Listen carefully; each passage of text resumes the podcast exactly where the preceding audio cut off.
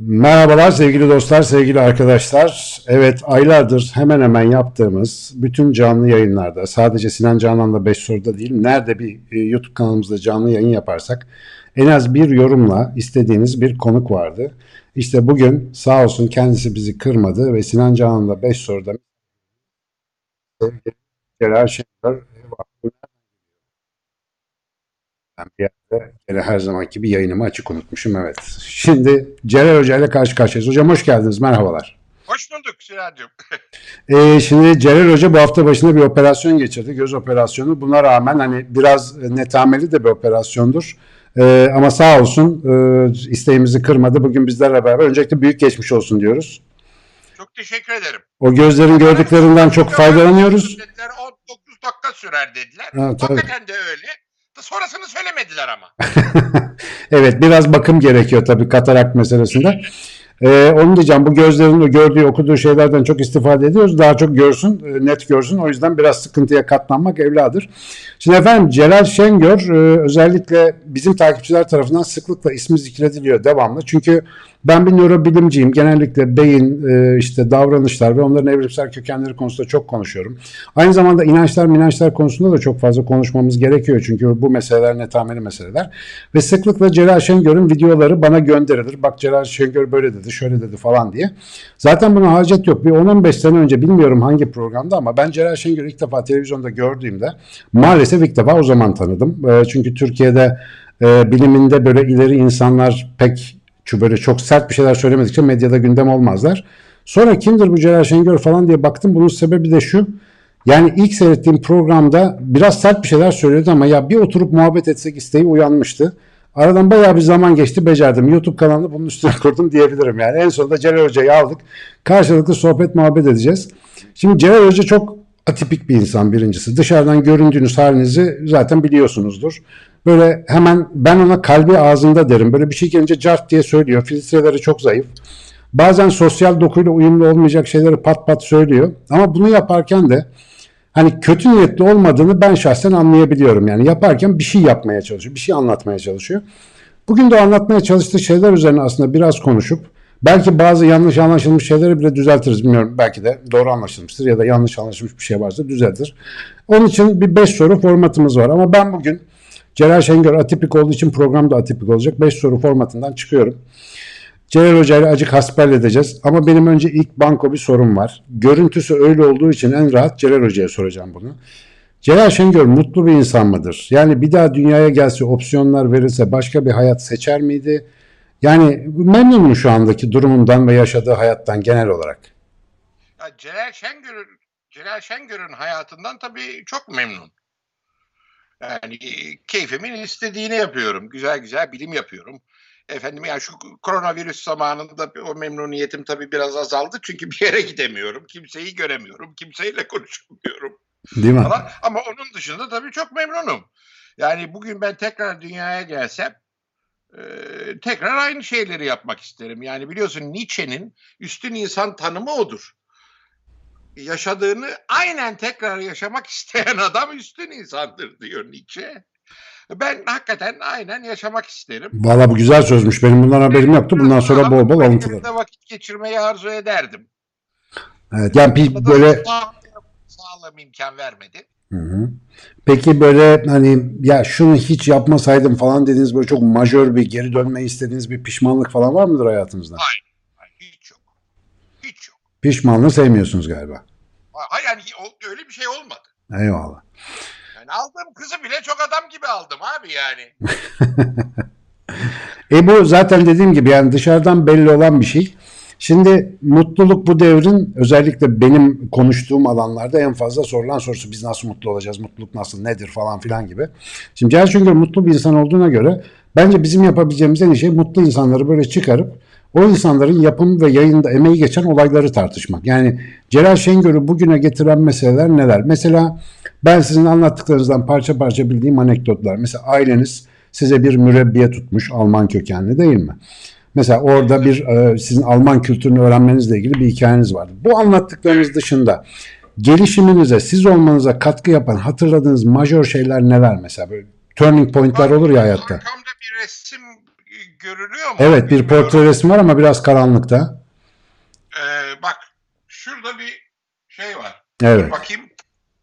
Eh, şimdi gördük evet. O Bahagür Fırat. Hı hı.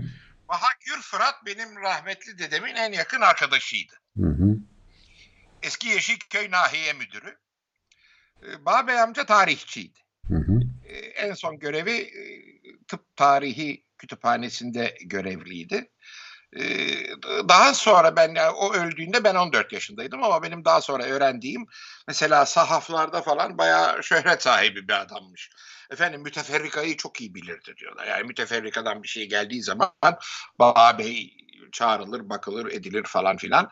Ee, o belgelerle Türk Tarihi Dergisi yayın kurulundaydı. Orada çok ilginç makaleleri vardı bu el yazılarıyla Osmanlı padişahları falan filan diye. Ee, aynı zamanda 2. Abdülhamit uzmanıydı. Yani 2. Abdülhamit'i çok iyi bilirdi. Bu, bu adamcağız sayesinde ben e, kitaplara ve okumaya heveslendim. Yani onun sayesinde işte bir sahaflar diye bir şey oldu. Kitapların güzel şeyler olduğu falan gibi. Bu arada e, çılgın bir kütüphaneniz olduğunu gerçi Türkiye'nin çoğu biliyor ama hatta ona yani müstakil bir kütüphane diyebiliriz yani baya baya. E, inşallah bir gün ziyaret etmek istiyorum. O Bağbey amcayla başladı. Yani Hı hı. o kadar enteresan ki o bize geliyor dedeme. Hele yazın Yeşilköy'deki köşkte ben hatırlarım böyle saat 6'da mı ne 5 beş buçuk 6'da tren geçer banliyö treni. Hı. Rahmetli dedeciğim oturduğu yerden ha bak Baha geliyor derdi. Hakikaten 10 dakika sonra Bağbey amca elinde ceketi bizim bahçeden içeri girerdi. Hı hı. Ee, tabii dedemin e, sosyal konumu nedeniyle böyle bir sürü yok banka müdürleri bilmem neler falan efendime söyleyeyim ben çok küçükken Demokrat Parti'nin büyük adamları gelirlerdi onu kandırmak için. Yani CHP'yi bırak da bize gel falan diye başarılı olamadılar. Ben mesela Emin Kalafat'ı hatırlıyorum gayet iyi. Bu tayyare kazasından sonra ve koltuk değnekleriyle bizim köşkün mermer merdivenlerini çıkarken hala gözümün önündedir o. Falan. Bu Yaş, adamlar- yaş kaç hocam bu aralar? Yaşınız kaç? ben o zaman 4-5 yaşlarındayım. 4-5 küçük bayağı evet. Yani eee fakat Bağbey amcanın gördüğü hürmeti bunlar görmüyordu kardeşim. Bağbey amca mütevazi, memur eee, falan ama onun gördüğü hürmet bizim evde o çok ayrı bir şeydi. Bağbey amca eee, yani hiçbir zaman kendisini direkt sormadım ama benim tahmin ettiğim kadarıyla ateist. Hı hı. Fakat mesela e, rahmetli dedem şey yapardı. Abisi Ziya Bey için e, mevlutlar düzenlenirdi her sene. Efendim Kani Karacalar bilmem neler falan gelirler. Yani ondan sonra dua yapılır. Şimdi bakardım Bağbey amca da ellerini açmış. Ötekilerle beraber herhalde dua ediyordu. Abi gün sordum Bağbey amca. Ya dedim Bağbey amca biz bunları konuşuyoruz. Yani bunların bir palavra olduğunu e, siz de söylüyorsunuz falan. Ama dedim siz duanızı ediyorsunuz deyince ya bak Celal dedi.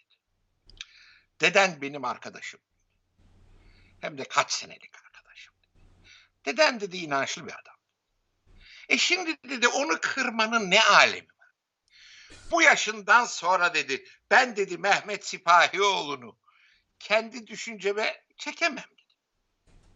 O da beni kendi düşüncesine çekemez. Onun için dedi biz dedi birbirimize saygı gösteriyoruz. Yani inançlar insanlara saygısızlık yapmayı gerektirmiyor. İnanç ya gerektirmiyor. Ha, güzel bir ders. Bağbey amca dediğim gibi yani Bağbey amca çok e, sıra dışı bir adamdı. Buna rağmen müthiş saygı gören bir adam. Şimdi bir hocam çocuk psikolojisi açısından e, muhtemelen onun doğrudan size anlattığı ya da gösterdiği bir şey değil de herhalde çevrenin de ona gösterdiği saygı ve hürmet sizin dikkatinizi ona yönlendirmiş gibi. Mesela çevreden duyduğum hikayeler hı. amca hakkında. Peki ne, neysi sağlıyordu bunu sizce? Yani hangi özelliğiyle bu kadar e, hürmet görüyordu o? Ya mesela Baha Bey çok dürüst bir adamdı. Bu Çeşme'de e, nahiye müdürüyken işte bu 2. Dünya Savaşı esnasında e, vesikayla şey veriliyor. Batiska veriliyor. Hı hı. Eşi Saniye teyze bizim Sanoş. O da gitmiş vesikayla patiskasını alacak. Bakmış orada yaşlı bir kadın yalvarıyor. Oğlum iki tane ver evde falan. Adam da diyormuş ki verecek olan memur işte e, hanım anne mümkün değil falan. En sonunda Saniye teyze demiş ki ya evladım ben nahiye müdürünün hanımıyım. O tanıyorlar zaten. Ver bir tane. Peki hanımefendi demiş. iki tane vermiş. Sanoş da kendi patikasını alıp e, patiskasını alıp eve geliyor. Babey amca geliyor eve. E, diyor ki nerede bugün aldığın patiska diyor. Sanoş diyor burada. Bunu ver diyor. Niye diyor Sanoş? Çünkü diyor sen diyor fazla patiska almışsın. Ya diyor yaşlı bir kadına saniye diyor. O diyor devletin patiskası senin değil. Öyle diyor veremezsin diyor. Dolayısıyla şimdi aldığın patiskayı ben iade edeceğim.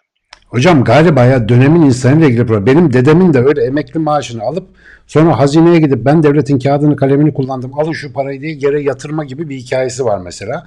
Şimdi o Evet. dönem o dönem galiba insanlar biraz böyle zannedersem hani herkes belki değil ama böyle insanlara rastlayabiliyorsunuz. Bugün anlatınca böyle ütopik uzay hikayesi gibi geliyor ama o zamanlar varmış galiba. Ama Babey amca çok enteresan bir adamdı. Mesela e, şeyi ne derler sigortası çok kısaydı. Çabuk atardı. Hmm. Kendisi Edremit'te nahiye müdürü. E, Atatürk gelecek diyorlar. Hazırlık falan yapıyor. Bakıyor imam geliyor. Kravatı yok. Babi amca demiş ki imam efendi demiş lütfen kravatınızı takın. Ben takmam ben din adamıyım. Bak demiş tak diyorum sana. Paşa kızıyor demiş böyle görürse. Ben demiş devlet memurusun. Devletin maaşını alıyor. Takarsın takmazsın. Babi amca ufak tefek bir adamdı. Bana diyor bir tabure getirin. Getiriyorlar bir tabure. İmamın önünde taburenin üstüne çıkıyor. Bir tokat imama.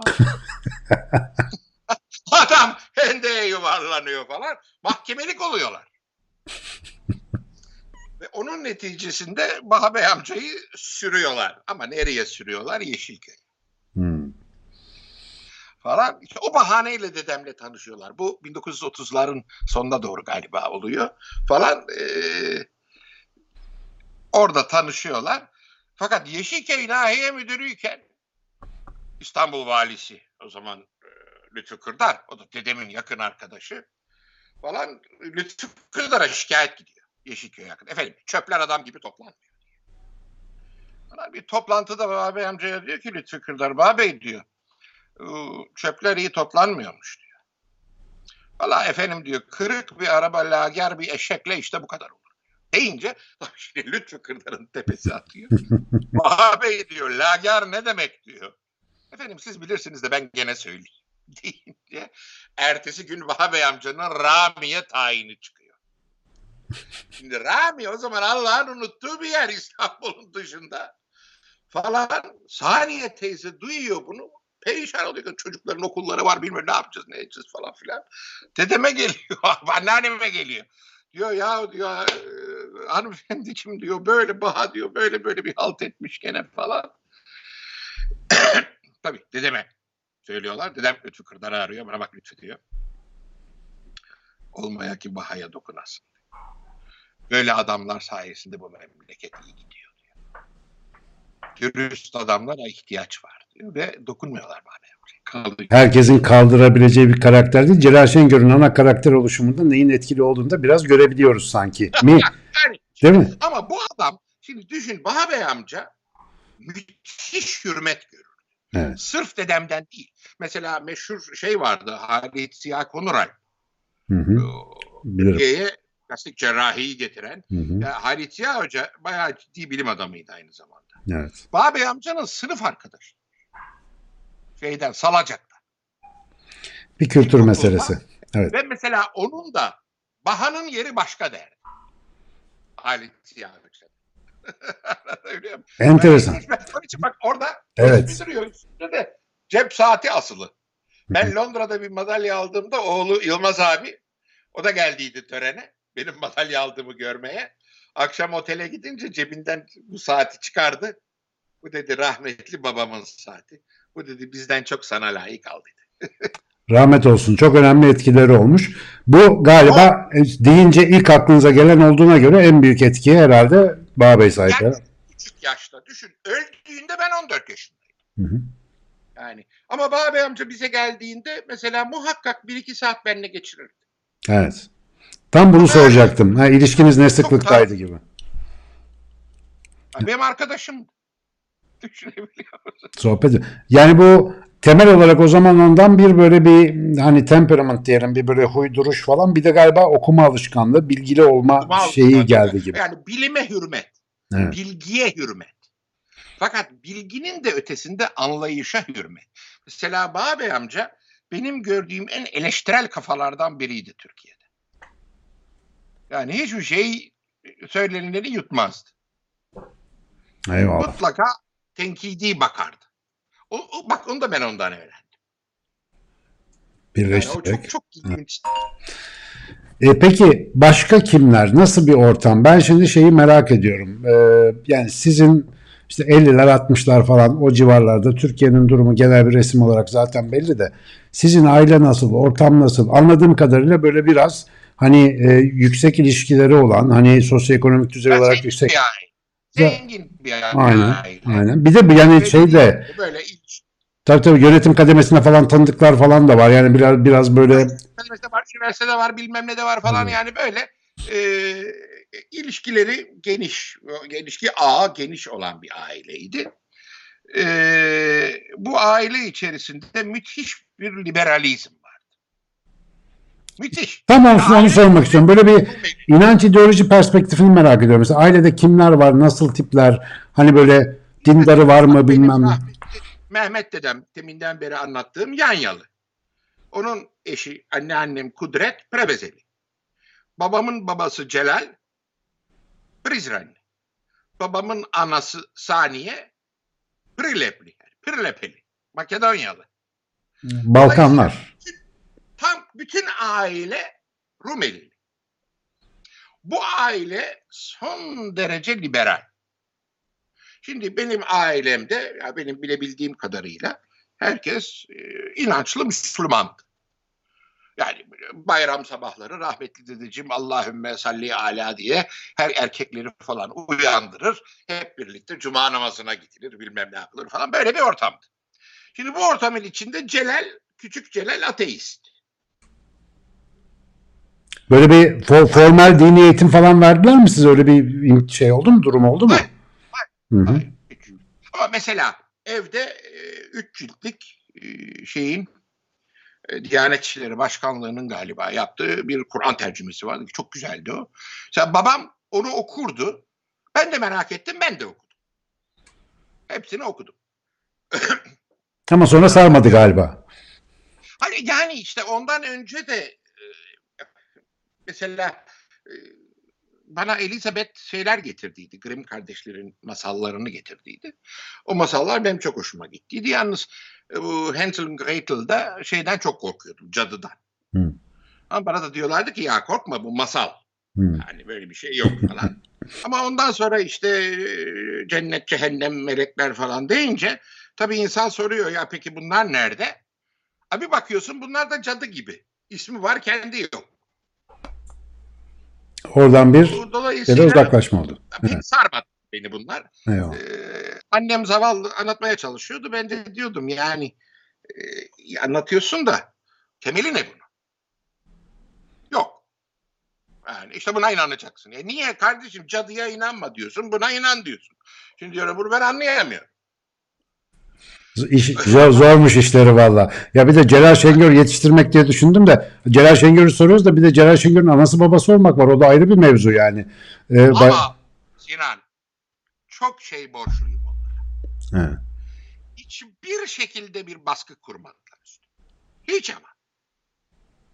Hep bir tartışma ortamı vardı evde.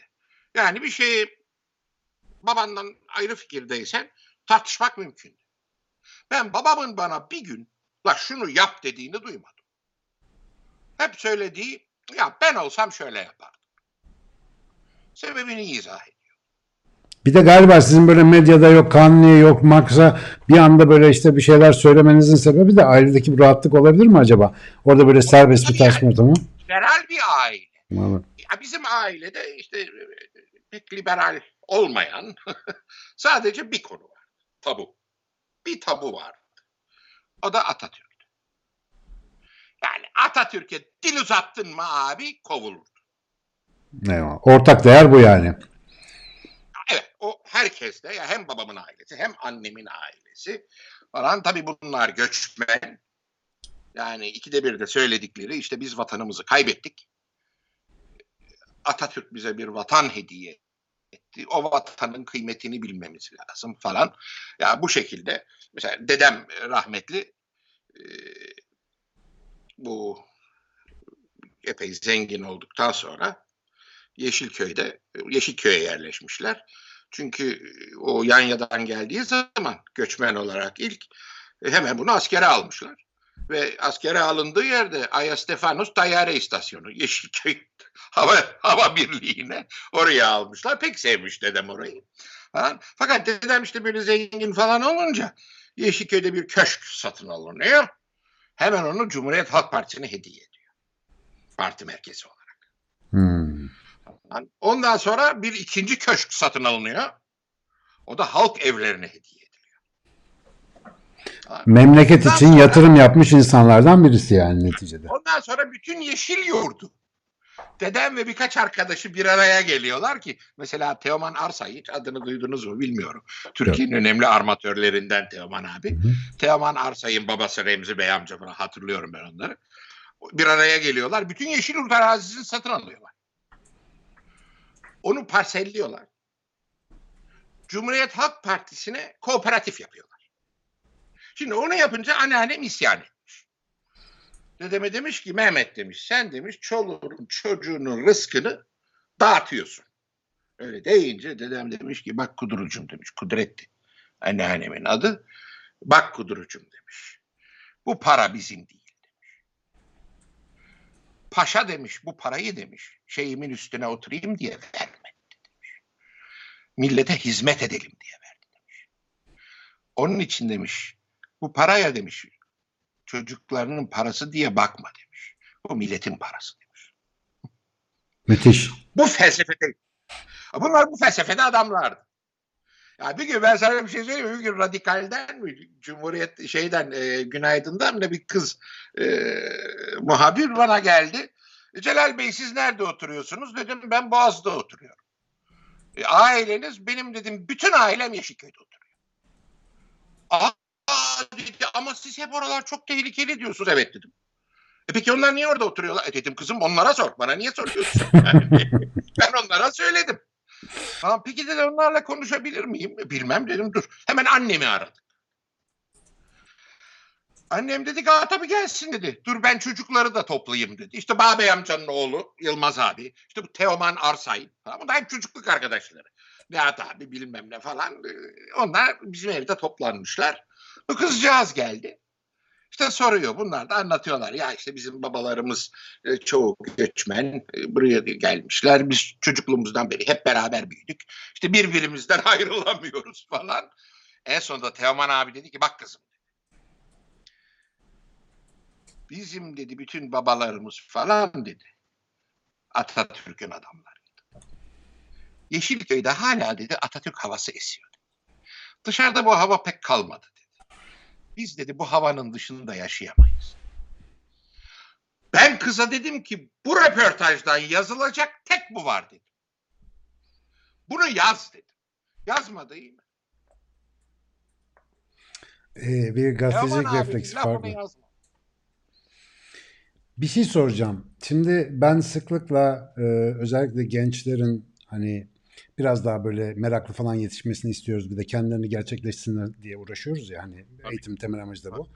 Hep şeyi anlatırım. Yani küçüklükten itibaren hayal kuran insanlar sonra hayatlarında enteresan bir şey yapıyorlar. Ben merak ediyorum 4-5 yaşlarından itibaren böyle Celal Şengör'ün kafasında bir hayal var mıydı? Yani şu anda ona yakın mı yaşıyor? vardı. Nasıl bir şeydi o? Ee, Celal Şengör'ün kafasında iki tane hayal vardı. Tabii bir tanesi her zaman hava kuvvetleri.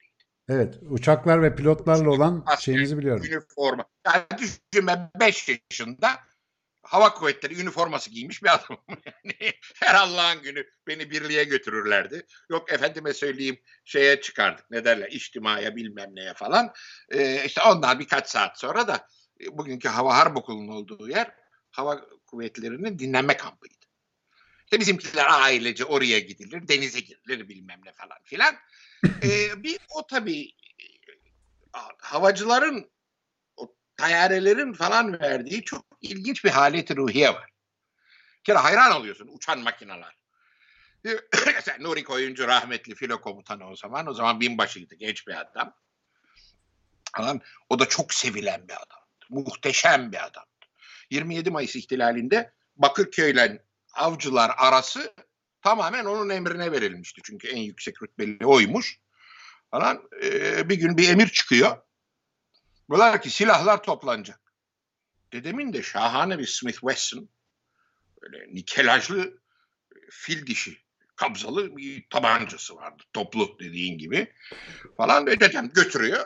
Ee, Nuri Koyuncu binbaşı o zaman Nuri diyor. Ah.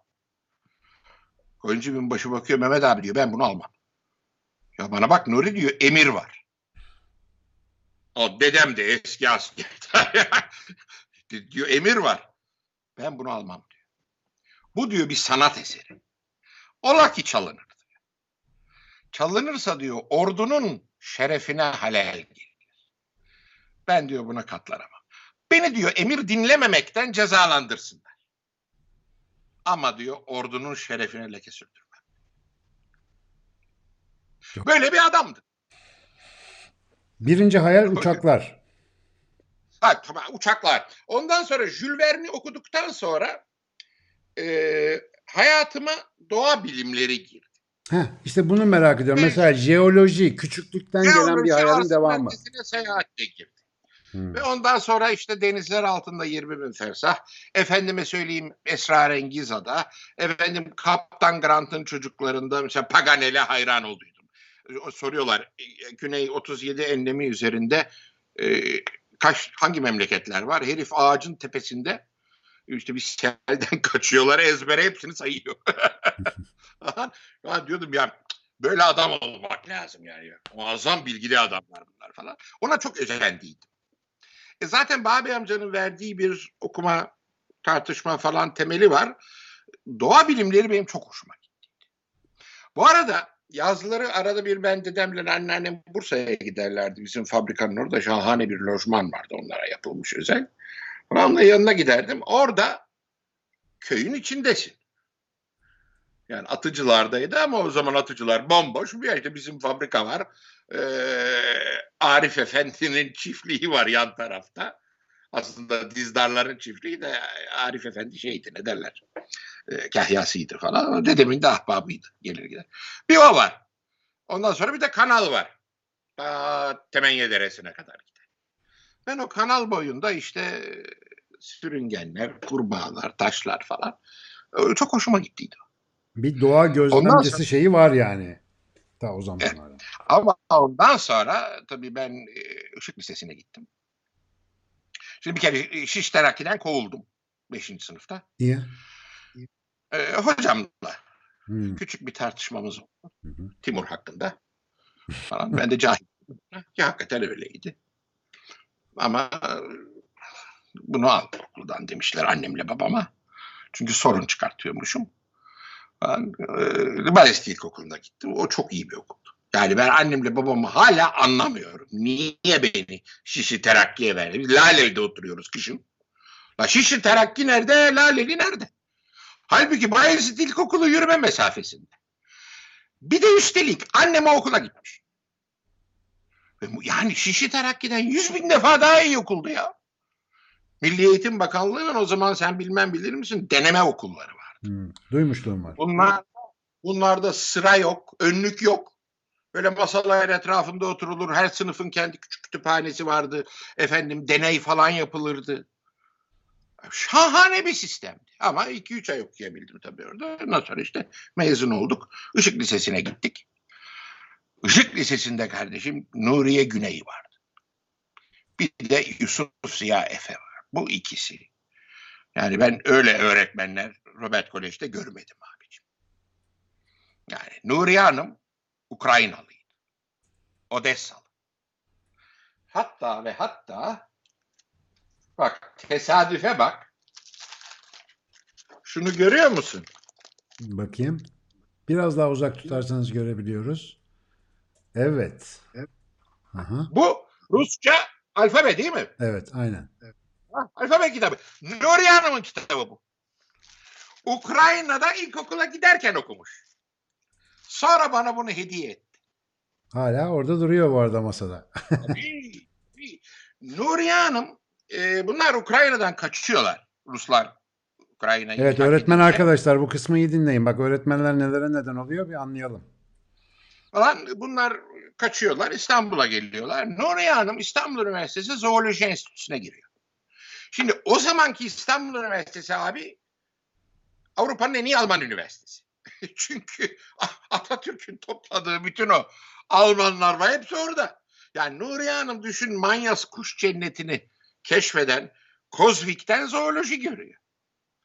İstanbul'daki muazzam herbaryumu kuran Heilbronn'dan botanik görüyor. Kurt Zuber'den fizik görüyor. Yani şu hale bak. Evet enteresan bir Valla. ortam. Şampiyonlar Ligi. Evet. Hakikaten öyle.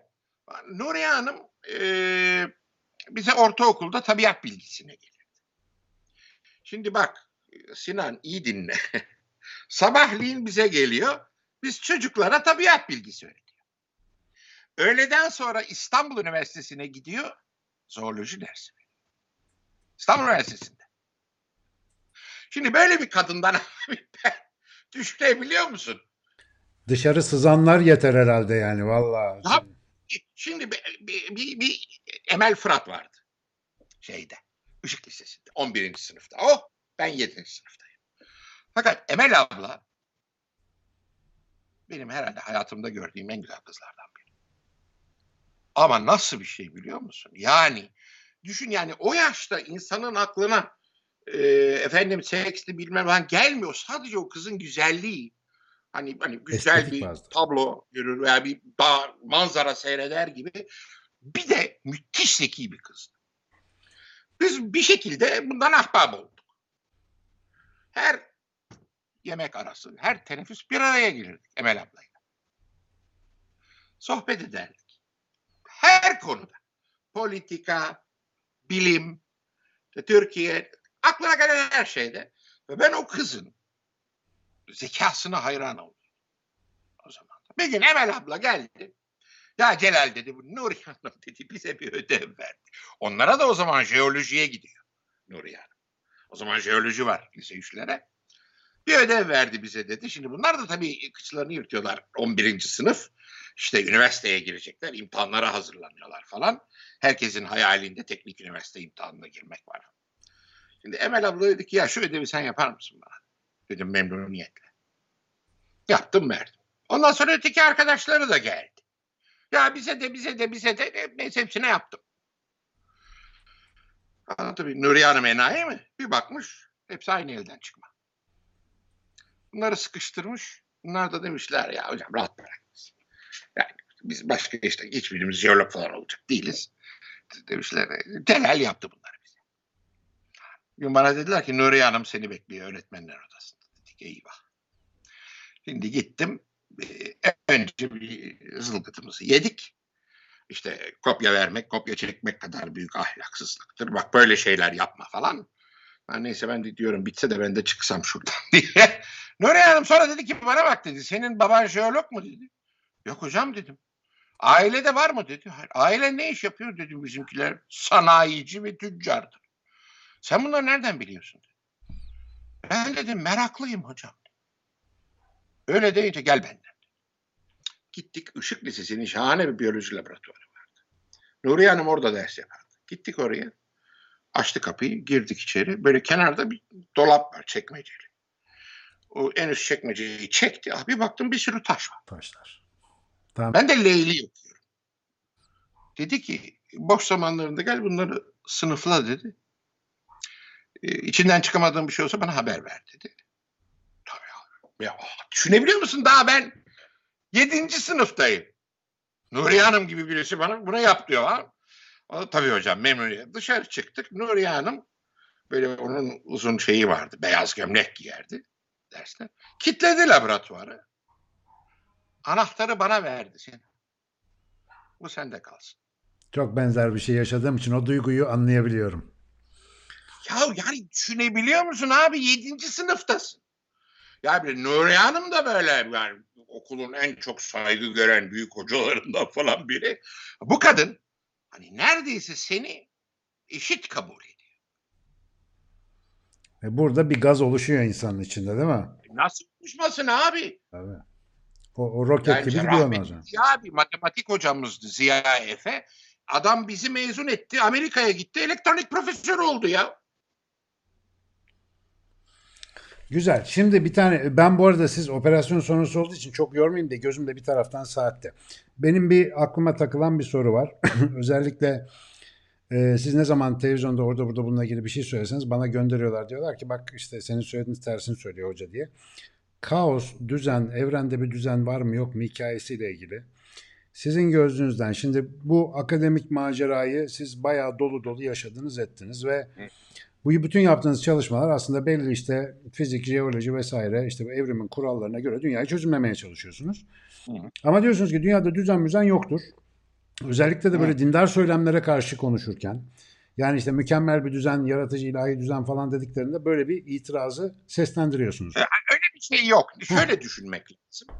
Yani düzen Ee, dediğiniz nedir? Karmaşa dediğiniz, kaos dediğiniz nedir? Ben biraz Mesela. Lorenz'in e, çıkrığını biliyor musun? Elbette. Çok yıllardır anlatırım ben onu. Ee, özellikle kaos teorisiyle çok ilgilendiğim için Bak, o konuyu sizle açmak istedim. çıkrığının her adımı deterministik. Bu arada çıkrık sözünü de ilk defa diyorum. Çek, çeker deriz, atraktör deriz. Çek, çı- çıkrığı da ilk defa duydum. Önceden kestirmek mümkün değil. Olduktan sonra her adımı izah etmek mümkün.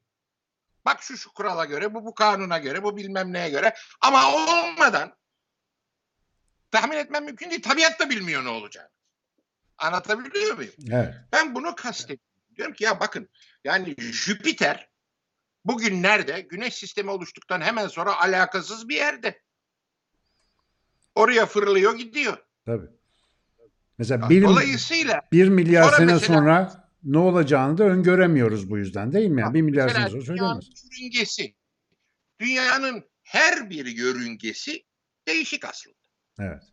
Hani Newton'a göre hesap ediyorsun, o idealize edilmiş. bir şey. Yaklaşık bir değer.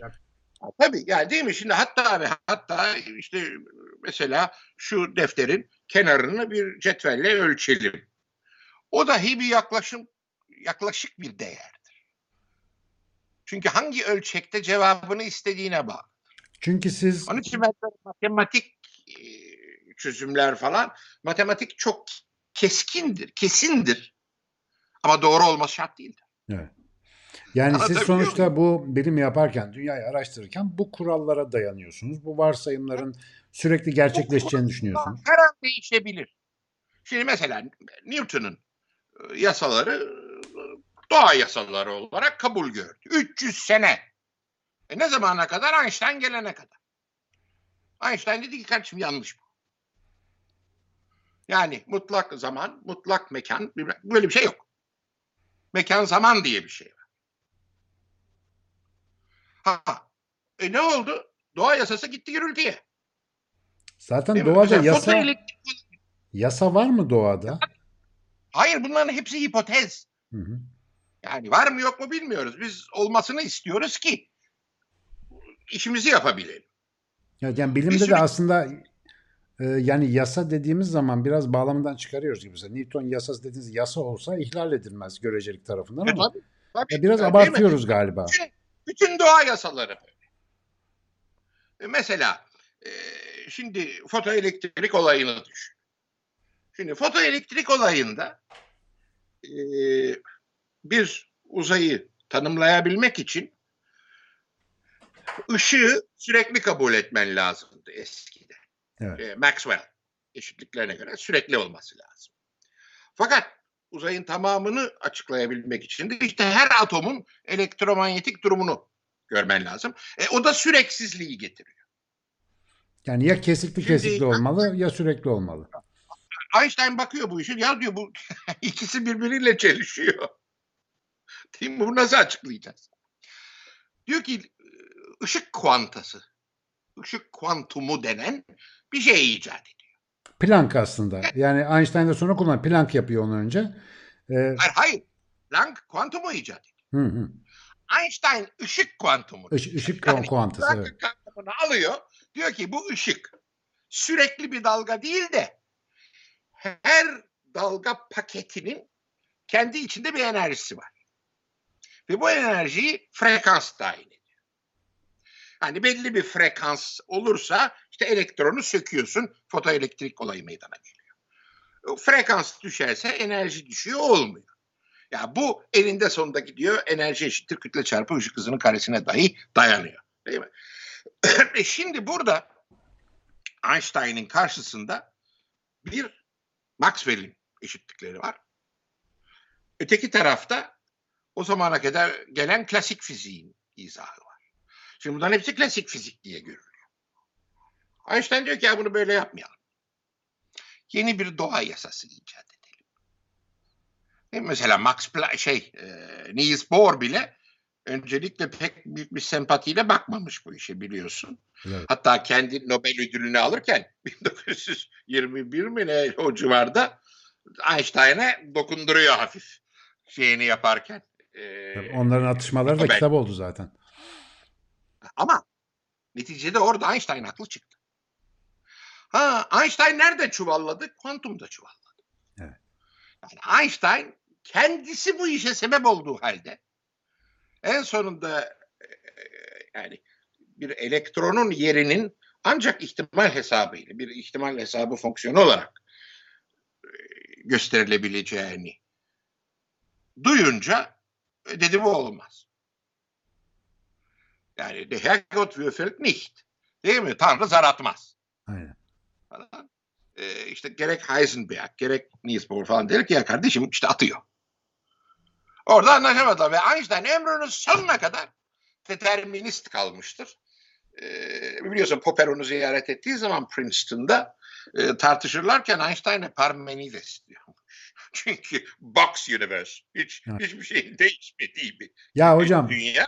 tam tam buraya gelmişken senelerdir merak ettiğim ve herkese de sorduğum bir soru var ama bence bu konuyu size sormam lazım. 1927-29 Ekim'inde çekilmiş bir fotoğraf var ya meşhur şu Solvay konferansı kaçıncı bilmiyorum. Aa evet evet evet. 15 tane Evet. falan Tabii, tabii. oradalar. bu biraz önce saydığımız isimler dahil 11 tane mi 15 tane mi Nobel ödüllü insan var o fotoğrafta. Şimdi benim kafamı kurcalayan Merkür'ün iki tane var Nobel. E, bir de öyle yani çift Nobel'ler de var. Şimdi kafamı kurcalayan şey şu. Yani 1927 yılında ya da işte ondan önce gelen dönemde bu insanlara ne yedirdiler, ne içirdiler de bu, bu kadar insanı aynı dönemde aynı kareye toplayacak olan şartlar neydi? Siz bunu nasıl yorumluyorsunuz? Yani tuhaf Ya, değil mi o fotoğraf? Bunu bunu bunun izahı e, aslında 19. yüzyılın ortasında yatıyor ve Maxwell'le başlıyor. Şimdi Maxwell eşitliklerine bakarsan bir bakıyorsun ışığın hızı sabit. Ama hocam benim yani- sorduğum şu pardon. Sosyal şartları merak ediyorum. Yani şimdi düşünün. Abiciğim, Yani dakika, nasıl yetişti bu adam? oraya. Hı. Geleceğiz oraya. Şimdi ışığın hızı sabit. Tamam mı? Maxwell eşitliklerine göre. E, Newton'a göre bu zırvalık. Şimdi Lorentz e, diyor ki ya bunun etrafından dönebiliriz. Lorentz transformasyonlarını icat ediyor. Falan. E, ama o klasik fizik içinde izah etmeye çalışıyor. Ve bir sürü mesela Poincaré o da bunun üzerinde çalışıyor değil mi? Poincaré'nin hızların eklenmesi sorunu falan. O da bunun üzerinde. Bir sürü adam bunun üzerinde çalışıyorlar. Yani bu arada mesela Rutherford atomun yapısına bakıyor herif. Diyor ki ya bomboş la bu içinde hiçbir şey yok diyor. bir küçücük çekirdek ve boşluk gerisi diyor. Şimdi bu onu ondan sonra Niels Bohr spektrumdaki çizgileri izah edebilmek için diyor ki ya biz e, bunu bir güneş sistemi gibi düşünsek elektronları işte bu elektronlar ancak bir yörüngeden diğerine belli bir enerjiye sahip oldukları zaman sıçrayabilirler falan. Bu bir varsayım. Yani öyle olduğu belli değil. Tamamen varsayım işte gözlemlere uyuyor. Ama sadece hidrojen atomuna uyuyor. Ha. Ötekilere uymuyor. Sırf onun için adam Nobel aldı. Şimdi onun üzerine Duc de Broglie, herif Dük. Ya biliyorsun asil bir aile çocuğu. O doktorasında diyor ki ya çok enteresan. Şimdi Niels Bohr enerjiden bahsediyor. Einstein'in bir enerji eşitliği var. Max Planck'ın da var. Diyor şu ikisini bir, bir araya koyayım. Herif bir bakıyor. Maddenin dalga boyu diye bir şey var çıkıyor ortaya. De Broglie dalgası. Evet. Ha De Broglie değil mi? De Broglie şeyi ve ona De Broglie bakıyor o dalga Niels Bohr'un şeyine karşılık geliyor. Yörüngesine karşılık geliyor. Ana şimdi anlaşıldı diyor. Niye bunun böyle oldu? Daha sonra onun da yanlış olduğu görülüyor. Çünkü mesela bir yörüngede iki elektron olabiliyor. Şeylerine göre falan. Fakat bu sorunları bir sürü insan çalışıyor. Ve Birinci Dünya Savaşı'ndan önce mesela Einstein'ın sık sık vurguladığı muazzam bir serbestliği var. Herkes her tarafa gidebiliyor. Pasport yok, hiçbir şey yok. Birbirlerini ziyaret ediyorlar, bilmem ne yapıyorlar falan. Mesela Einstein gidiyor, Belçika'da arkadaşlarıyla konuşuyor. Akşam saraya gidiyor, kraliçeyle beraber keman çalıyorlar. Böyle bir ortam var. Ve e, üniversiteler bir sürü sivri adamı rahat bırakıyor. Bu bir Avrupa üniversite geleneği. Herif evinde ders veriyor. O zaman şöyle mi? Birkaç birkaç şanslı faktör bir araya geliyor. Yani Avrupa'daki üniversitelerin bu kültürel durumu, o sırada işte Tabii. kuantum fiziğinde olacak ve olan gelişmeler. Bir de galiba savaş zamanının getirdiği bir ekstra bir psikoloji de var Yok oraya gitme. Savaş zamanına gitme yani. Savaş çok kötü etki. Öyle mi? Yani Einstein hep bunu vurgular. Savaş diyor o güzel havayı dağıttı. Hmm. Mesela Birinci Dünya Savaşı'ndan sonra Almanlar belirli toplantılara alınmıyorlar, gidilmiyor. O çok kötü bir dönem. Çok çok kötü bir dönem. Hmm. Ama buna rağmen Buna bilim yapan adamlar birbirleriyle hep temastalar abi. Yani ben hep şunu vurgulamışımdır. Bilimin gelişmesini anlamak istiyorsan sosyal şartların hiçbir katkısı yok. Sıfır. Nasıl yok? Bu iş bu adamların kafalarında oluyor. E ama hocam Mesela- şimdi Celal Şengör böyle bir ailede doğmasa, bu imkanları olmasa, işte Baha e, amcası olmasa, yani böyle bir mikro çevreye maruz kalmasa biraz bunun da etkisi yok mu? Yani hani bizim okula Ya, gittiğimizde en dahi çocuğu mesela bile bıktırıyorlar. yani. Ramanujan'ı düşün. Abi Ramanujan'ı düşün. Hı hı. Madras'ın gece kondularında herif büyüyor. Yaptıkları tesadüfen Hardy'nin eline gidiyor. Herifler şoke oluyorlar. Aman hemen Cambridge'e buyur diyor. Ama Ramanujan istisnai değil mi ya? Ya bunlar Ha? biraz istisnai değil mi?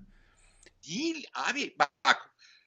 Georges Cuvier müthiş e, 19. yüzyılın yani mukayeseli anatomi ki onu sizler daha iyi biliyorsunuz doktorlar mukayeseli anatomiyi kuran adam. E bu fakir bir ailenin.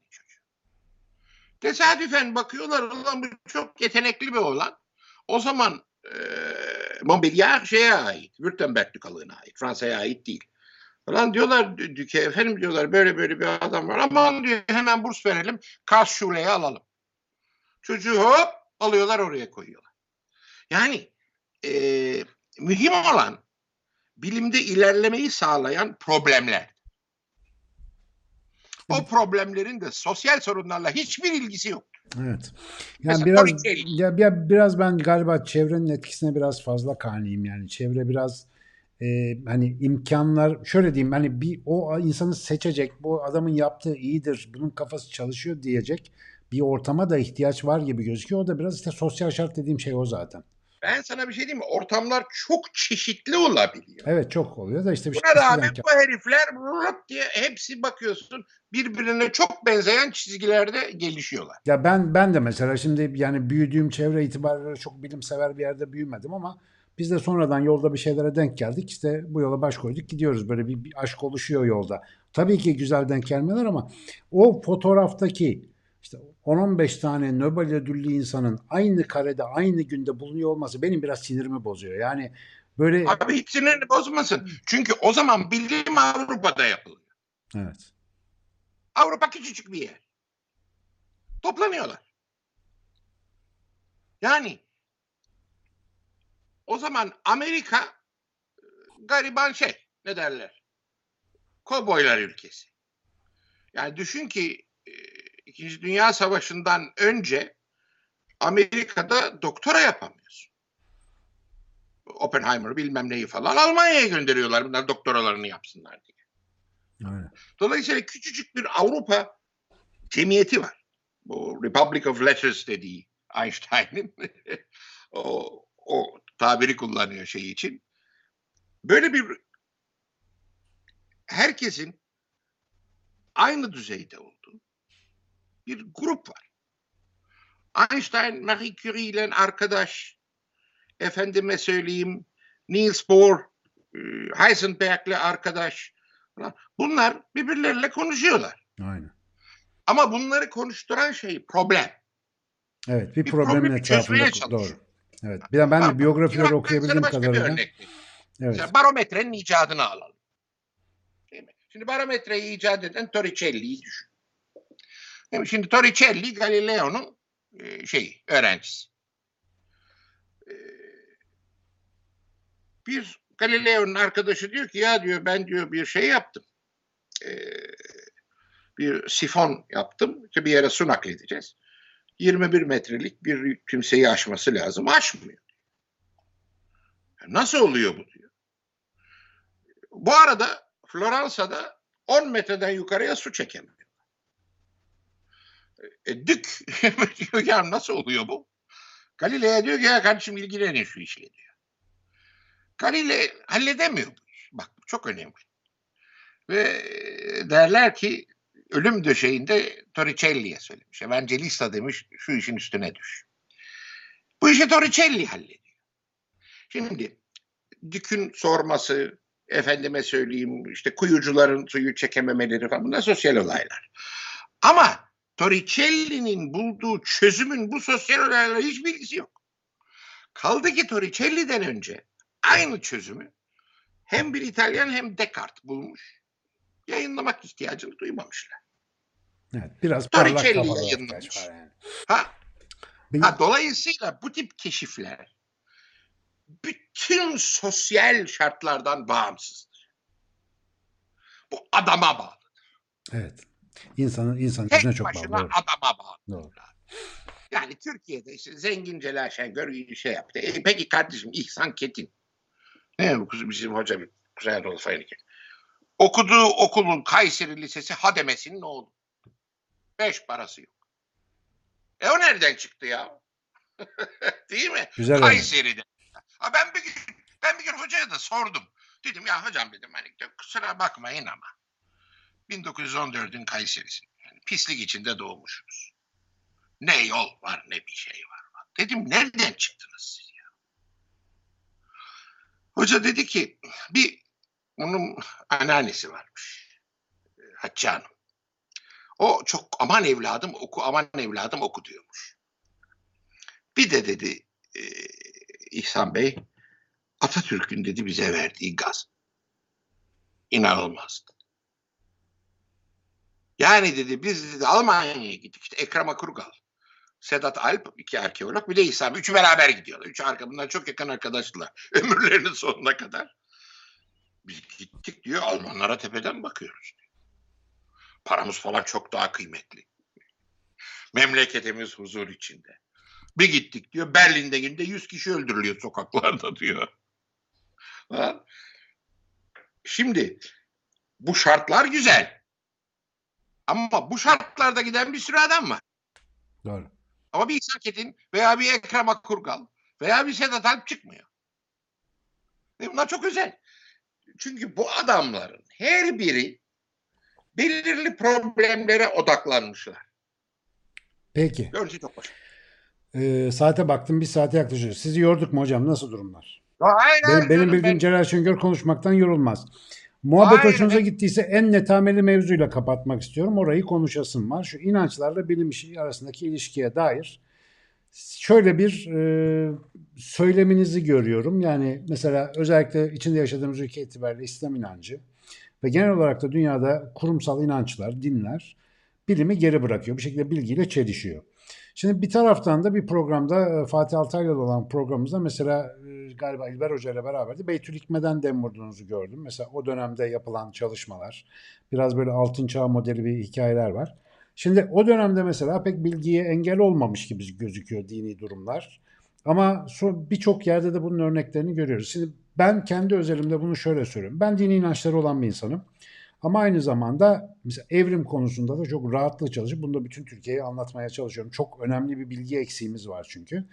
E, fakat sıklıkla karşımıza gelen ya ya o ya bu kardeşim ikisi birden olmaz gibi bir kafa var. Bir siz burada ne düşünüyorsunuz? Yani inançlı bir insan bilimi anlayamaz mı? Yani şöyle bir formül ol- olabiliyor mu? Öyle bir şey yok. Yani e, Allah yaptı istediği gibi yaptı ben de araştırdım buldum falan demekte herhalde bir sorun yok gibi. Ya benim benim çok can ciğer dostum, hocam bir yerde. Xavier Le Pichon. Dindar arkadaşlarınızın Koyu- olduğunu biliyorum. Evet. Koyu bir Katolik. Hem öyle ki yani Xavier'in bir öğrencisi vardı Selin Gal. Onun ben doktora jürisine çağrıldım. Çok tatlı bir kızcağızdı. İşte Marsilya'da e, Marsilya Üniversitesi'nde doktora şey yapıldı. Tesadüf abi. Geldi Paskalya'ya. Değil mi? Tam Paskalya hafta sonu. Biz kızı imtihan ettik. Şahane geçti falan çok. Hayda dediler şimdi parti yapacağız. İşte şaraplar getirilmiş bilmem ne. Baktım Xavier paltosunu giyiyor. Dedim patron hayrola? O dedi benim dönmem lazım. Niye dedim? "Mais dedi, mes devoirs religieux. Benim dedi dini görevlerim. Dedim Xavier. Dedim Paskalya her sene oluyor. Bu kız dedim hayatında bir daha doktor olacak. Ve dedim sen dedim yani 20. yüzyılın ilahlarından birisin la jeolojide. Yani, abi hayır. Çekti gitti iyi mi abi? Ama aranız bozulmamıştır Ama bu adam- herhalde.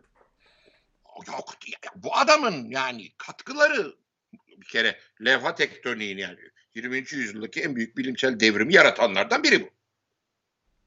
Aynı zamanda mesela Türkiye'ye yaptığı hizmetler bu Kuzey Anadolu fayı, Marmara Denizi'nin incelenmesi falan hepsinin başında bu adam aslında durdu. Paraları bu buldu bilmem ne yaptı falan filan. Şimdi ama koyu dindar. Sizin hiçbir Bir örnek dini, hiçbir... Erdoğan abi bak beni işe alan dekanımız. Hı hı. Benim çok sevdiğim bir insandır Erdoğan abi. Erdoğan abi kardeşim her kandil annemi arardı. Annem öldü. Şimdi Erdoğan abi cenazeye geldi. Bana dedi ki bak dedi şimdi Güler Hanım nurlar içinde yatsın dedi vefat etti dedi. Şimdi dedi sen beni arayacaksın. Dedim abi dalga mı geçiyorsun? Dedim ben bunlara inanan bir adam değilim böyle bir saçma sapan. Yo dedi bu dedi bizim kültürümüzün bir parçası. Dedim sen istiyorsan peki dedim. Ben bugün her kandil, her bayram Erdoğan abi arar. Baha amca örneğinde olduğu gibi. oluyor. Evet. O da son derece memnun oluyor. Şimdi Erdoğan abi e, kardeşim inançlı bir adam. İyi bir bilim adamı. Şahane bir bilim yöneticisiydi. Şahaneydi yani dekanken. Ama Yalnız şöyle bir... yani bir- yalnız Hı. e, bilimin önüne bilimle dini çakıştırmamak lazım kafada. Çok doğru. O çok çok önemli. Bir, bir hissiyatım var. Onu paylaşmak isterim. Şimdi Celal Şengör'ü dışarıdan da görsen, işte bu düzeyde muhabbet de etsen ve tanıştığımız ortak insanların da beyanlarını ekliyorum buna.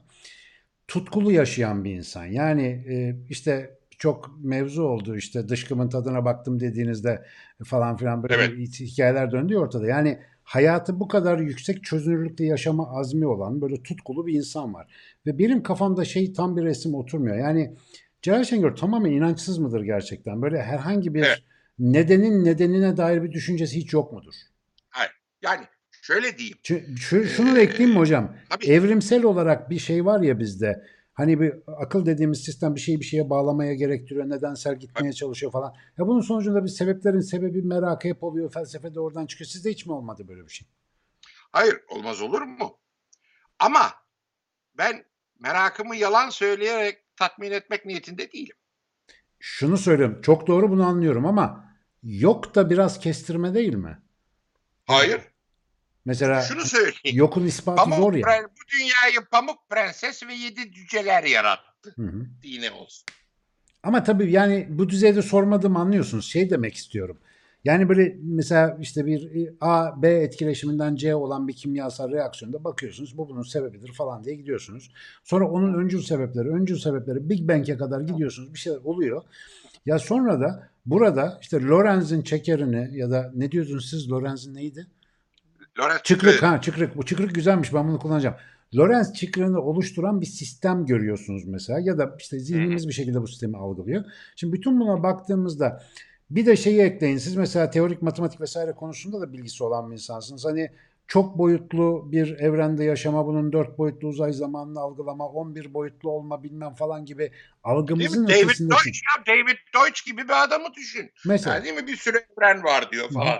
mesela Ama yani bütün bu olasılıkların içinde yani Celal Şengör kafada bir şey falan Hı. gibi değil. Peki Celal Yani Şengör bunlar- kafada bir şey bırakıyor mu onu merak ediyorum. Yani ya yani yarın bir gün hani böyle bir durumda çıkarsa hani bir sebebin sebebi bulunursa ben de belki bir böyle büyük plan görebilirim falan gibi bir açık kapı bırakıyor musunuz zihninizde yoksa "Cık, ben bunlarla Hayır uğraşmam. yani sebepler bulunabilir. Sebepler bulunabilir ama e, şimdi bir nihai sebep çok mantıksız. Çünkü o zaman onun sebebi ne? Anlatabiliyor muyum? Yani Hı hı, o sonsuza çekiyor. Doğru. Ve o zaman tabii aklına Anaximandros'un Apeiron'u geliyor. Hı hı. Ya hocam tek, Yani tek millet- çözüm bu değil ki. Ya mesela bir panteist düşünce var işte. Ee, pan universal böyle, e, Burada ne varsa Tanrı odur falan gibi. Yani bu, bu bütüncül Ama sisteme... yani o, o zaman lüzumsuz bir şey bu. Hı hı. Yani bu şeye uymuyor. Basitlik prensibine. Yani burada ne varsa var işte. E canım bir de bunu ayrıca Tanrı'da ne manası? Yani ne kazandırıyor? Hiç. Sıradan insana tırnak içinde benim gibi normal insanlara bir rahatlık sağlıyor. Yani e, O kafada başka böyle dava. ha, bir şey O başka dava. Bak Ha, benim çok yakın bir dostum vardı. Burada ismini vermeyeyim. Çok sevdiğim bir arkadaşım vardı. Hem de bir hanım bu. Yani çocukluktan beri arkadaşız. Viyana'da okumuş bilmem ne yapmış. Bir gün ben bunlara gittim. Kapıyı çaldım. Bu açtı. Ah bir baktım. Örtülü falan. Ne hal? Kız bu ne hal dedim. Namaz kılıyordunuz. Anlamadım dedim. Namaz kılıyordum. Niye dedim. Rahat ediyorum. O zaman dedim itiraz diyecek laf kalmadı. O zaman dedim helal olsun istediğini yap dedim. Madem rahat ediyorsun yap abi. Çünkü ben bu kızı tanıyorum. Zehir gibi akıllı bir kız. Yani bir sürü adam gibi iş yapıyor. E peki Celal Şengör'ün. Celal Şengör'ün var mı böyle ritüelleri? Yani dini değil ama Hayır. böyle rahatlamak Hayır, için hiç- yaptığı meditasyon tarzı falan bir şeyler. Hayır hayır hayır. hayır. Hiç mi? Hiç yok.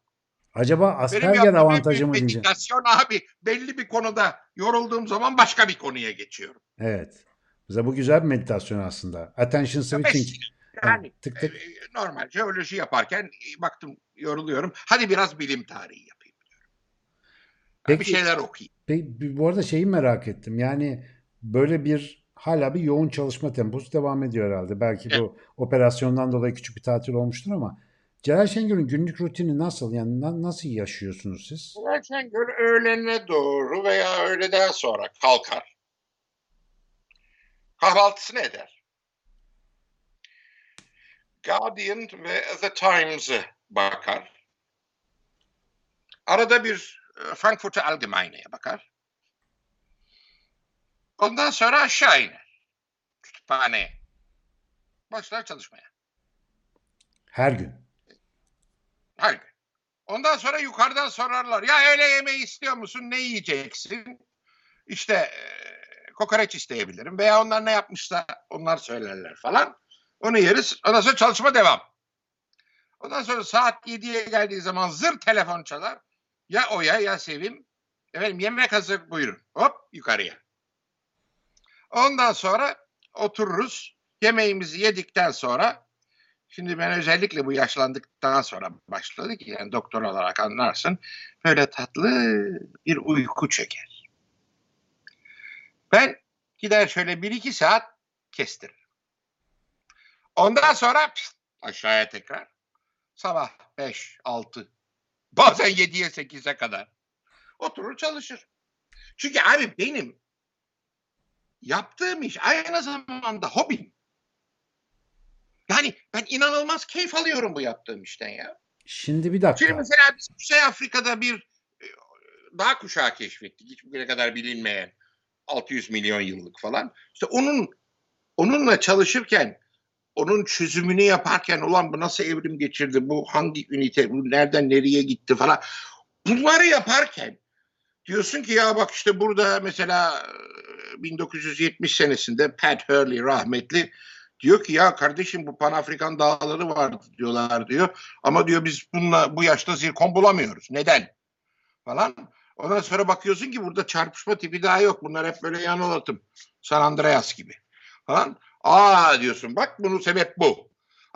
Bunlar insana inanılmaz bir şey. Yani senden önce kimsenin görmediği bir şeyi görebilmek. Fakat Ben burada- daha da önemlisi. Hı. Abi anlayabilmek. Evet. Anlamak var ya bu dünyanın en büyük sevki. Şimdi bu bölüm bana çok faydalı oldu. Şundan ben bir kitap yazdım. İnşallah üçüncüsü de çıkıyor. İnsanın Fabrika Ayarları diye bir serim var. Biter bitmez göndereceğim size onu. Ee. İnsanın Fabrika Ayarları serisinde aslında nöro evrimsel olarak insanın nasıl doğru yaşaması gerektiğini anlatırken son ciltte de insanın bu zihinsel olarak sinir, sınırları zorlama güdüsünden bahsed- bahsederken şunu dedim. Yani bu işte az yeme, gece uyuma falan filan gibi kurallar var. Bunlar sağlıklı beden yaşamı için iyi de.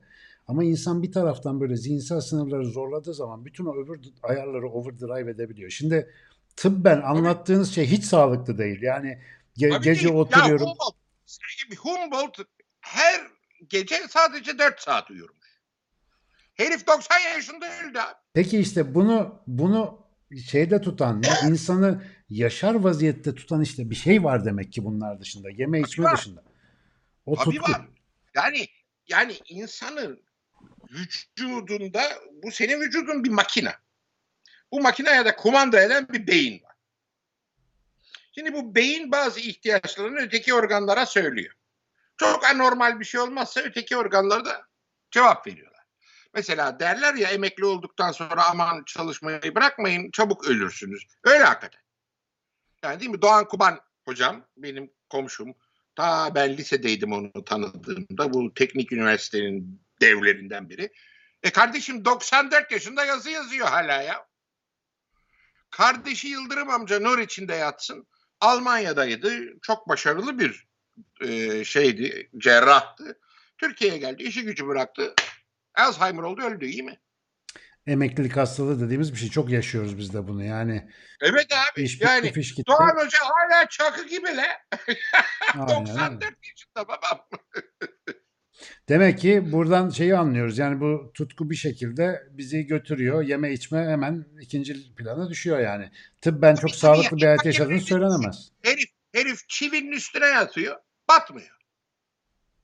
Kumanda edebiliyor bazı şeyler. Enteresan bu. Mesela bu Makine abi, vücut bir makine. evet. Bu makinayı kullanmayı bilirsen, adam gibi kullanırsan, tabii emin de değiliz nasıl adam gibi kullanılacak. Ama mesela e, bakıyorsun bilim adamlarının bazıları uzun yaşıyor. Ama mesela Gödel gibiler keçileri kaçırıyorlar, erken ölüyorlar. Evet. O- o- orada ayrı bir dert var gibi. Aynen öyle. Ha, tabii, tabii. Yani Dertinski falan da öyle olmuş biraz. dolayısıyla efendim şöyle bir formül vardır, bunu uygularsan iyi olur. Öyle bir şey yok. Doğru. Gene dön kaosa. Herkese göre ayrı bir şey var. Tutku. Tutku galiba insan hayatındaki en önemli şey. Tutku olmadan kardeşim hiçbir şeyi adam gibi yapmak mümkün değil. Ben bütün öğrencilerime de onu diyorum. Peki Yani biz, bak, biz bu memleketi hocam nasıl ateşleyeceğiz? Ha? Ya biz bu memleketin tutkusunu nasıl ateşleyeceğiz? Ateşleyelim.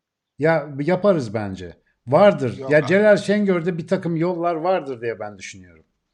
Ya bu Hayır yani bütün yapacağımız biz millete örnek olacağız. Bir, bu güzel. İşte bu tip programlar yapacağız, bilmem ne yapacağız falan. Ama bunun ötesine gidemeyiz. Çünkü e, mühim olan yani cizvitlerin dediğini unutma. 7 yaşına kadar çocuğu bana ver sonra diyor yolundan çeviremezsin. Doğru. Şimdi 7 yaşına kadar çocuk bizim karşımıza çıkmıyor. Ailenin elinde. Çok doğru. E, Türkiye'deki ailelerin de yüzde doksanı yani zenginler falan dahil inanılmaz cahil. Korkunç yani. Ben bu memlekette gördüğüm cehaleti az yerde gördüm. Felaket. Niye bağ neye bağlıyorsunuz peki? Niye böyleyiz? E abicim yani bin senedir kendi içine kapalı yaşamışın. Bin senedir bütün yaptığın e, bir adama yaranmak olmuş. Yani bir adam derken sırf padişaha kastetmiyorum. Yani ağaya yaranmak, paşaya yaranmak, padişaha yaranmak. Yani e, eleştirel düşünmeyi öğrenmemiş. Daha da önemlisi objektif düşünmeyi öğrenmemiş. İzin verilmemiş hiçbir zaman. Yani izin verilmemiş derken sen kendin de izin vermemiş. Çünkü hiç bu sisteme kafa tutmamışsın. Memnunsun. Yani bir şey oldu mu devlet baba bana baksın. Hala o kafa var. E böyle mi gidecek peki? Büyük bir felaket olmadıkça evet. Yani umudunuz yok mu hiç Yani memleketten? Avrupa'da Avrupa'daki Avrupa'daki e, hızlı gelişmeye bak ne zaman oluyor? Orta Çağ'dan sonra oluyor. Orta Çağ sonunda ne oluyor? Şimdi 14. yüzyıla gidelim. Veba. Nüfusun yarısını götürmüş ya. E Avrupalı bakıyor. Buna ne dua ne papaz hiç. Papazı da götürüyor, kardinali de götürüyor, fahişeyi de götürüyor, kralı da götürüyor. E diyorlar ya burada bir gariplik var. Ondan sonra arkadan ne oluyor? Büyük coğrafi keşifler geliyor. E gidiyor bakıyorsun Christoph Kolomb ya kutsal kitapta olmayan adamlar keşfediyor. Topraklar keşfediyor. Bitkiler, hayvanlar keşfediyor. Yer şekilleri görülüyor. Diyorlar peki yani Allah bunları unutmuş muydu? Niye koymadı? Bu kitapta niye bunlar yok? Yani Mormonlar biliyorsun saçma sapan bir şey icat etmişlerdir ona cevap olarak. İşte İsa Amerika'ya gitmiş yer, yerlere yatarsın gülmekten. Hani o Mormon İncil'ini okusan tam bir komedi. Ha? Ee, bakıyorlar ki burada bir sıkıntı var. Bu arada papayla kral aman imparator kapışıyor. Ve imparator kaybediyor. Ondan sonra ufak tefek prenslikler bilmem neler falan var. Fakat Papa'nın hükümranlığı ve İtalya'nın hükümranlığı, İtalya'nın kültürel baskısı en sonunda kuzeydekileri isyan ettiriyor. Yani e, Luther'in isyanı sırf dini değildir, kültüreldir. Yani Luther yobazın biri be. Yani diyorlar efendim bu protestanlık işte kurtardı Avrupa'yı. E, ne alaka ne dava? Herif yobazın biri. Değil mi? Ama Luther'in getirdiği bir şey var. Krala sığınmak zorunda. Aksi takdirde papacanını okuyacak. Krala sığındın mı sen dinin bağımsızlığını kralın eline veriyorsun. Yani Ambrosius'un ta 3. 4. yüzyılda yaptığını yıkıyorsun. Ambrosius ne diyor? Kilise bağımsızdır. Hiç istemeden Luther bunu yıkıyor. Her devletin kendi kilisesi oluyor. Her devletin kendi kilisesi oldu mu devlet yakalıyor. Mesela bak Bizans İmparatorluğu'nda değil mi? E, Patrik hiçbir zaman bir papa kadar güçlü olamamıştır. Çünkü tepede imparator var. Patriği tayin ediyor. Öteki tarafta öyle değil. Öteki tarafta papa imparatoru tayin ediyor. Dolayısıyla e, Avrupa bu sıkıntılardan sonra din savaşları yaşamış. Felaket. Ve bakmışlar kardeşim bu bir yere götürmüyor bizi. Bunlar olurken Rönesans'tan sonra bakıyorsun Galile diye bir herif diyor ki bu Aristo'nun dedikleri yanlış. Bir. Ptolemaios'un dedikleri yanlış. iki. Dolayısıyla kutsal kitaplarda yazanlar yanlış. Üç. Falan tabii kilise müthiş bozuluyor bu işe. İşte cezalandırıyorlar falan ama gerçek değişmiyor. Gene de millet teleskoptan baktı mı Jüpiter'in aylarını görüyor. Değil mi? Ee, efendime söyleyeyim Aristo'nun en mükemmel hareket dairesidir. Değildir kardeşim. Değil mi? O da gidiyor gürültüye falan. Bu arada Kepler kardeşimiz efendim kainattaki en mükemmel şekiller küre veya dairedir. Malum Kopernik işte o dahi daireler var. Kepler diyor ki ya kardeşim de uymuyor ona diyor. Bunlar elips. Niye elips olduğunu izah edemiyorum ama elips diyor. Newton geliyor. Herif izah edecek. Bir bakıyor ki matematik yetmiyor. Onun üzerine integral bir diferansiyel hesabı icat ediyor. Onu yapabilmek için. Yani sürekli değişen bir ivmeyi hesap edebilmek için Adamın integral ve diferansiyel hesaba ihtiyacı var. Onu icat ediyor. 23 yaşında çocuk be. Sinan 23 yaşında adam be düşün. Yani Cambridge'de tifo çıktı diye evine gönderiyorlar. Herif boş oturmaktansa entegral ve diferansiyel hesabı icat ediyor. Evet bizim mezun olup atanma bekleyen arkadaşlara duyurulur. Yaş 23 Newton. Yani değil mi? Şimdi Allah aşkına aynı anda Leibniz bağımsız olarak onu icat ediyor. Sonra birbirlerini yiyorlar. Sen mi önce icat ettin, ben mi önce icat ettim? Böyle lüzumsuz şeyler falan. Fakat şimdi bunlar olurken bilimde bir patlama meydana geliyor. Ve mesela David Hume diyor ya sırf gözlemden bunlar olmaz diyor. Sırf gözlemle bunlar diyor keşfedilemez. Ama o Kant'ı müthiş rahatsız ediyor. E, Onun için Kritik der reinen Vernunft'u yazıyor adam ve çözemiyor problemi. Saçma sapan şeylere varıyor en sonunda. Değil mi?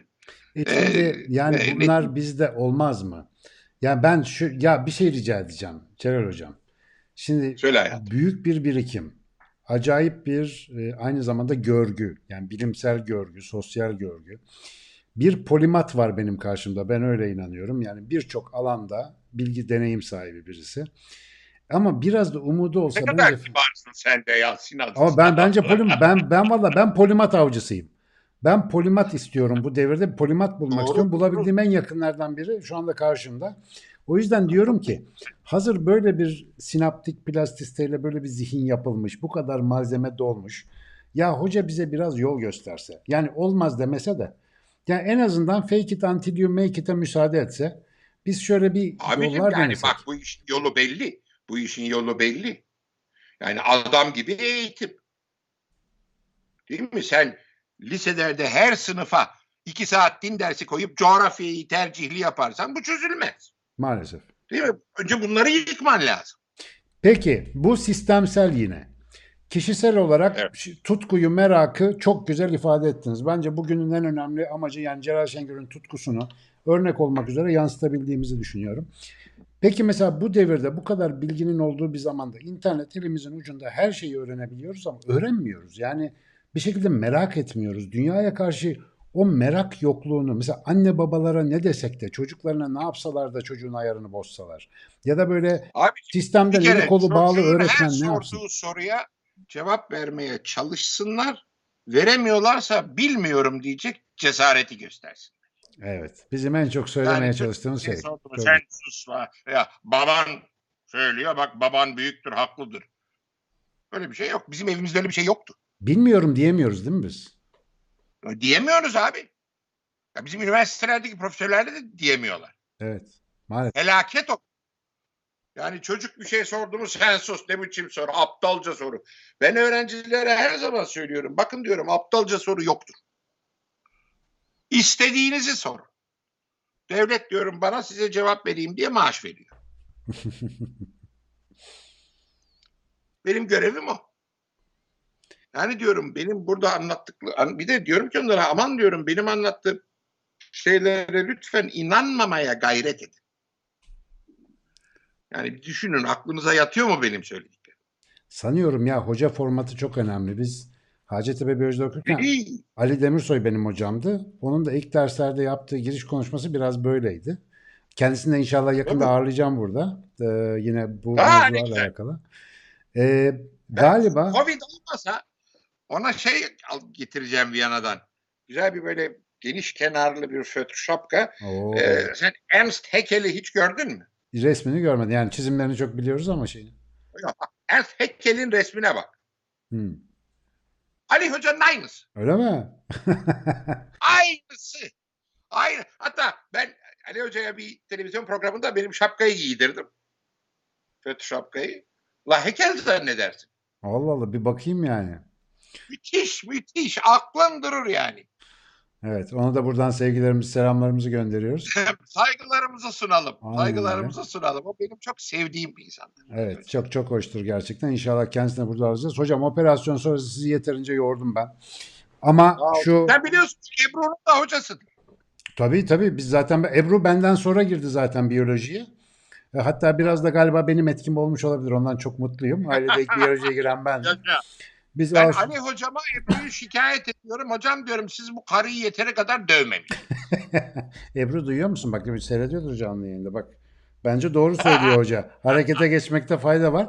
Ben biraz önce Celal Hoca için söylediğimi özellikle Türkiye'de akademik hayal kırıklığına uğramış çok insan için de tekrar etmek isterim.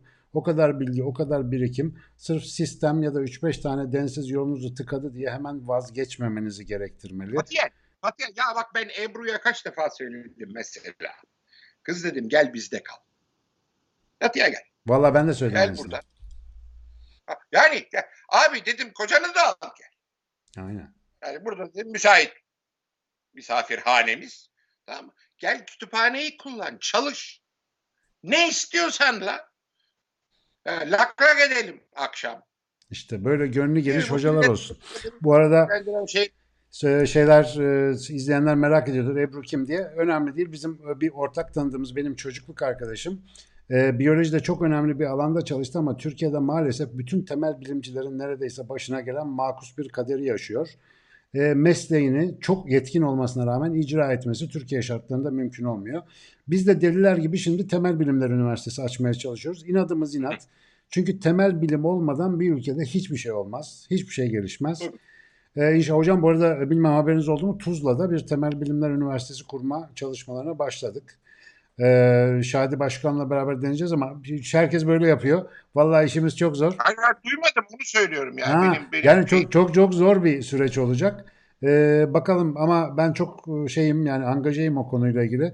Çünkü birilerinin yapması lazım. Bizim temel bilimler bölümleri patır patır kapanırken dünya bilimde Evet. gidiyor? Maalesef çok üzülerek izliyoruz. Hocam bu Kim kimi konularda da yapıyorsunuz danışacağız size zaten.